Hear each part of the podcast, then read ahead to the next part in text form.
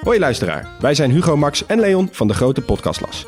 Wij zijn drie geografen en elke week behandelen wij een ander land. We bespreken onder andere de geschiedenis, politiek, natuur, maar ook de sport, de muziek en natuurlijk het eten.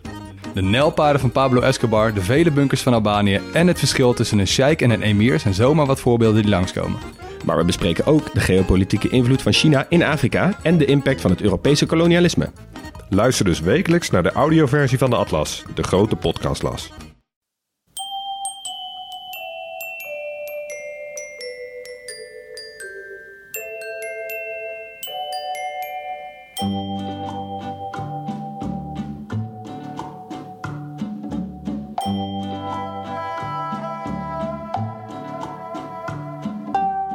Bij aflevering 115 van de Echt Gebeurd podcast, waarin waargebeurde verhalen worden verteld door mensen die ze zelf hebben meegemaakt. In deze podcast een verhaal van Rebecca Wilson. Het thema van de middag was Holland-Amerika.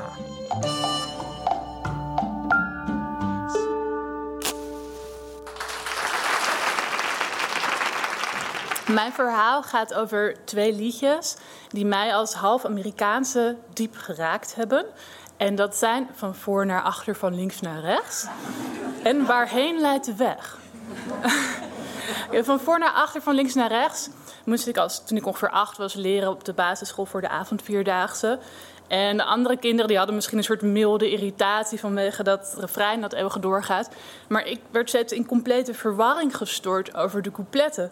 Want, um, nou, ik weet niet of jullie dat nog weten, maar het liedje gaat zo. Een Nederlandse Amerikaan zie je over verre staan. Nou, en dan gaat het zeg maar heel erg in detail door over waarom je die Amerikaan zo ziet staan uit de verte.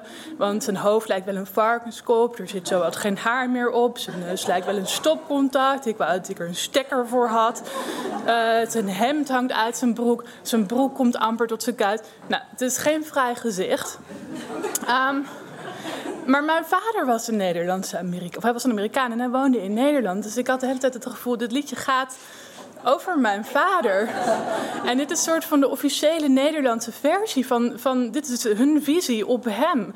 En als ik dit liedje schrijf, dan onderschrijf ik die visie. En dan het is een soort van verraad van mijn vader in een lied. En wat vinden mijn klasgenoten daarvan? Mijn vader was helemaal niet zo iemand, want die had gewoon krullen en hij was hier naar Nederland gekomen om klaversymbol te studeren. En zijn, Henk, zijn hemd hing niet uit zijn broek. Dat past helemaal niet in de plaatje. Ik begreep er niks van. Um, nou, tot zover het officiële anti-Amerikanisme bij ons op school. Maar was eigenlijk overal, want het was de tijd van de anti-kruisrakettendemonstraties. En ja, de consensus in de klas was toch echt wel dat de Amerikanen gemene imperialisten waren. Het was niet echt een groep waar je bij wilde horen.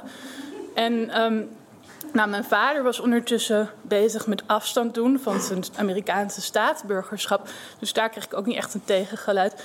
Dus altijd als mensen aan mij vroegen, want dat vroegen ze heel vaak, want ik heet dus Wilson. Nou, jij bent zeker Engels met die achternaam. Nou, dan vond ik het altijd heel erg om ze te moeten teleurstellen en te zeggen: nee, Amerikaans.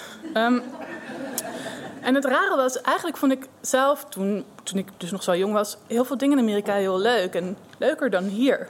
Um, we hadden bijvoorbeeld een plaat thuis met Amerikaanse kinderliedjes. En nou, die gingen echt niet over van voor naar achter, van links naar rechts. Er waren heel mooie liedjes, indianenliedjes en, spirituals over grote rivieren. En Amerika, dat was ook Disneyland en Halloween en pepermuntijs en karamelappels. Echt heel leuke dingen. Um, het allerleukste aan Amerika was uh, om naar mijn oma te gaan, Grandma Bev. Die woonde in Californië. En uh, Grandma Bev had een hele grote tuin met fruitbomen en uh, een bubbelbad in de tuin. En een gazon met van die ingebouwde sproeiers. Uh, en ze had van die kolibrie drinkbakjes met suikerwater. Dus er vlogen van die kolibries af en aan. Dus het was echt heel leuk om daar in de tuin te spelen. Mijn broertje, mijn zusjes en ik vonden het echt geweldig daar. Nou, we zagen Grandma Bev niet echt super vaak. Maar als we als we, als zeg maar niet naar Amerika gingen, dan stuurden ze altijd heel mooie kaarten als ze jarig waren of met kerst. Van die kaarten die je zo kon uitklappen en dat je dan zo jingle bells hoorde of zo. Nou, die had je hier ook verder niet nog echt. Um, maar ons gezin werd steeds Nederlandser en we spraken steeds minder Engels thuis. Bezoekjes over en weer werden schaarser. En dus ik zag haar niet zo heel vaak meer. En ik, ik begon eigenlijk steeds meer met Nederlandse ogen te kijken naar die kaarten van Grandma Bev. En dat waren natuurlijk van die Hallmark-kaarten met van die voorgedrukte spreuken. En ze had een soort stomme obsessie met kerst. En ze schreef echt van die brieven, die gingen heel erg lang door over het weer. Met de temperatuur in Fahrenheit. Daar kon ik echt niet zoveel mee. En ging ook altijd over haar tuin. En uh, we, hadden een soort van running gag bij ons thuis, want we wachten altijd tot er weer een update kwam over de persimmon tree, want dat was altijd het geval. En dat vonden we echt hilarisch, want we wisten ook helemaal niet wat die persimmon tree eigenlijk was, maar wel altijd of hij dan bloeide of niet of zo. Um, en uh, ja, dus ze werd eigenlijk steeds meer een vreemde. En ze werd gewoon zo'n verplicht telefoontje twee keer per jaar. Ik schreef haar eigenlijk ook bijna nooit terug. En de laatste keer dat ik haar zag was ik 15. Nou, toen was ik uh, op een gegeven moment 33 en toen ging ik voor het eerst weer naar Amerika. Ik, uh, ik had het anti-Amerikanisme een beetje geïnternaliseerd of zo. Ik, was, ik had mijn hele Amerikaanse kant zeg maar zo genegeerd dat ik echt nooit meer op het idee was gekomen om er überhaupt heen te gaan. En toen ging ik op vakantie naar New York. Al mijn vrienden waren er al lang geweest en ik was er eigenlijk nooit meer geweest als volwassen. Ik vond het best wel een beetje gênant eigenlijk. Dus ik ging daarheen. En toen ik daar was, toen vond ik, dacht ik opeens weer, oh ja, Amerika is heel leuk. New York is natuurlijk heel leuk. Dus toen omarmde ik ook meteen weer die Amerikaanse kant. Ik dacht meteen, oh ja, nee, hier hoor ik bij. Dit is echt mijn cultuur. Niet dat ik familie heb uit New York of zo, echt totaal niet. Maar zo gaan die dingen dan. En, uh, maar al die week, die tijd dat ik daar was in New York, bleef er iets knagen. Want Grandma Bev, die was al jaren een beetje aan het kwakkelen met haar gezondheid. Maar ze was in, net in die weken daarvoor was ze echt ernstig ziek geworden. En ze had in het ziekenhuis gelegen, ze was weer thuis, maar we wisten dat ze niet, eigenlijk niet echt lang meer te leven had. Dus ik dacht, op een gegeven moment dacht ik daar in New York, ik moet daar gewoon echt heen, want ik ben nu zo dichtbij. Ik ben gewoon in haar land en ik ga niet bij haar bezoeken. En dit is mijn laatste kans om mijn oma nog levend te zien. Dus toen mailde ik mijn baas, nou ik blijf langer. En uh, ik nam uh, de binnenlandse vlucht. Het was inderdaad heel dichtbij, het was maar zes uur vliegen. En um, dan nog met de trein en met de taxi. Maar toen stond ik daar in Sacramento, in die bungalowwijk. En de deur ging open. En daar stond Mary uit Tonga, haar verpleegster. Dus dat was niet helemaal wie ik had verwacht. Um, en toen kwam Grandma Bev. En ze was vroeger vrij stevig, maar ze was helemaal ge, verschrompeld. Um, en um, ze had een uh, rode kerstpyjama aan. En ze zat met een soort buis vast uit een zuurstoftank. Met een soort hele lange slang, zodat ze helemaal door het huis kon lopen. Zo. En ze zei, oh, aren't you a sight for sore eyes? Dus zoiets als, oh, wat heerlijk om je weer te zien. Nou, 18 jaar. En het was daar heel heet in huis. En uh, overal waren kerstversieringen, want het was december en zo was het geobsedeerd door kerst. Maar er waren ook heel, dat, er waren heel veel dingen die ik herkende van vroeger. Die kolibries waren er nog en die kolibrie drinkbakjes. En er hingen nog uh, ballonresten van toen ik mijn zevende verjaardag daar had gevierd. En toen ze daar een ballon had opgehangen. En uh, bubbelbad was ook nog in de tuin, alleen het was nu leeg.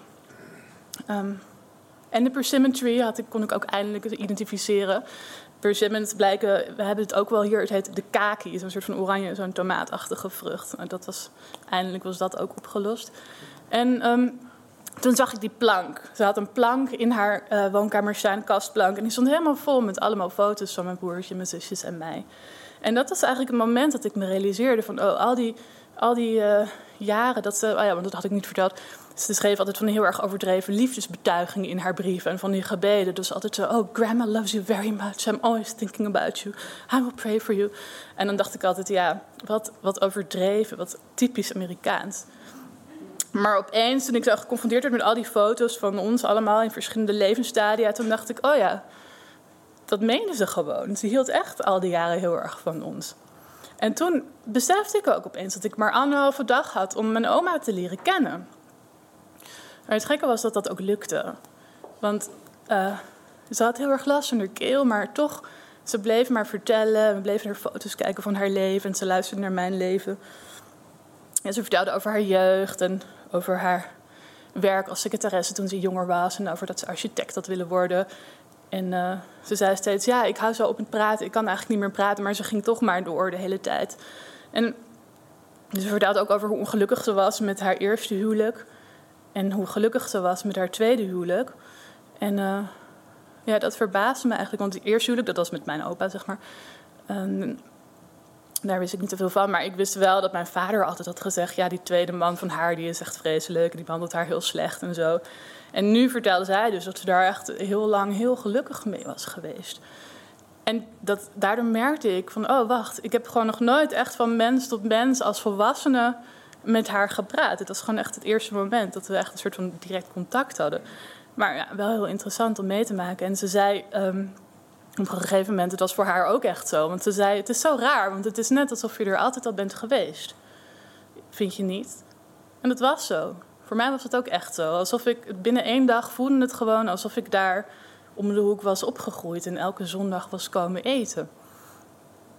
Um, nou, nu kom ik weer op dat liedje, het tweede liedje, Waarheen leidt de weg. In het Engels heet dat Amazing Grace. En dat is een van de dingen die ze mij had verteld. Dat ze dat een heel mooi liedje vond. Want het was ook het lievelingsliedje geweest van die tweede man, waar ze zoveel van had gehouden. En, um, en het stond voor haar dus eigenlijk symbool ook voor die liefde tussen hun. En de laatste avond ging ik naar bed en ik dacht, jeetje, dit is zo, ik ben eigenlijk zo dankbaar dat ik haar nog heb mogen zien. En wat kan ik nou nog doen om haar nog een beetje gelukkig te maken? En al die jaren van geen antwoorden schrijven op haar brieven een beetje goed te maken. En toen dacht ik, ik kan wel dat liedje voor haar zingen. Dus de volgende ochtend um, zaten we aan het ontbijt. En ik had al gezegd van, nou oma, ik kom volgend jaar gewoon weer terug. Terwijl we allemaal wisten dat het niet zo zou zijn. En uh, we zaten daar en het was zo'n feestelijk gedekte tafel met allemaal van die Amerikaanse lekkernijen. Um, dus toen zei ik, Grandma, vind je het anders leuk als ik Amazing Grace voor je zing? Nou, vond ze wel leuk. En uh, dus toen zat ik daar, hand in hand met enerzijds Mary uit Tonga en anderzijds Grandma Bev, mijn verschrompelde omaatje, die vijf maanden later zou overlijden. Toen ging ik dat liedje zingen en toen luisterde ik eigenlijk voor het eerst echt naar die tekst van dat liedje. En die gaat zo. Ik hoop dat ik het nu kan zingen, want ik ben een beetje buiten adem, maar het gaat dus zo. Um, Amazing grace, how sweet the sound that saved a wretch like me. I once was lost, but now am found. Was blind, but now I see. Nou, toen was ik klaar met zingen en toen ging Mary uit Tonga huilen en Grandma Beth ging ook huilen en ik ging eigenlijk ook huilen. omdat ik gewoon dacht, dat eigenlijk is dat liedje gewoon heel erg waar. En ook omdat ik wist dat ik mijn oma nu voor altijd kwijt was, maar dat ik er net op tijd had gevonden.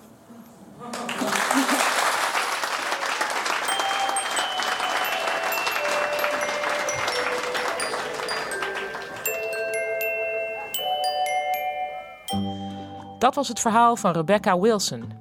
Rebecca werkt als redacteur bij een uitgeverij en maakt samen met Petra Boers een boek over de jaren 60 voor bij een tv-serie op Nederland 1. Het komt in maart uit en het heet Ondersteboven, jouw Nederland in de jaren 60. Wij van Echt Gebeurd zijn heel erg blij dat we al meer dan zeven jaar maandelijks de mooiste verhalen te horen krijgen. Wanneer we merken dat jullie meegenieten via de podcast, doet ons dat deugd. Misschien zit je nu wel op de fiets en begint het net te regenen. Misschien sta je in de file. Misschien zit je in de trein en zie je hoe de lichten naast de snelweg net zijn aangegaan. Misschien wil je zelf wel een keer een verhaal komen vertellen. Meld je dan vooral aan via www.echtgebeurd.net. Podiumervaring is niet belangrijk en je wordt geholpen bij het vertellen van je verhaal. En gewoon komen luisteren kan natuurlijk ook.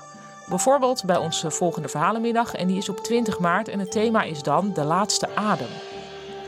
De redactie van Echt Gebeurd bestaat uit Micha Wertheim, Eva Maria Staal, Rosa van Toledo en mijzelf, Paulien Cornelissen.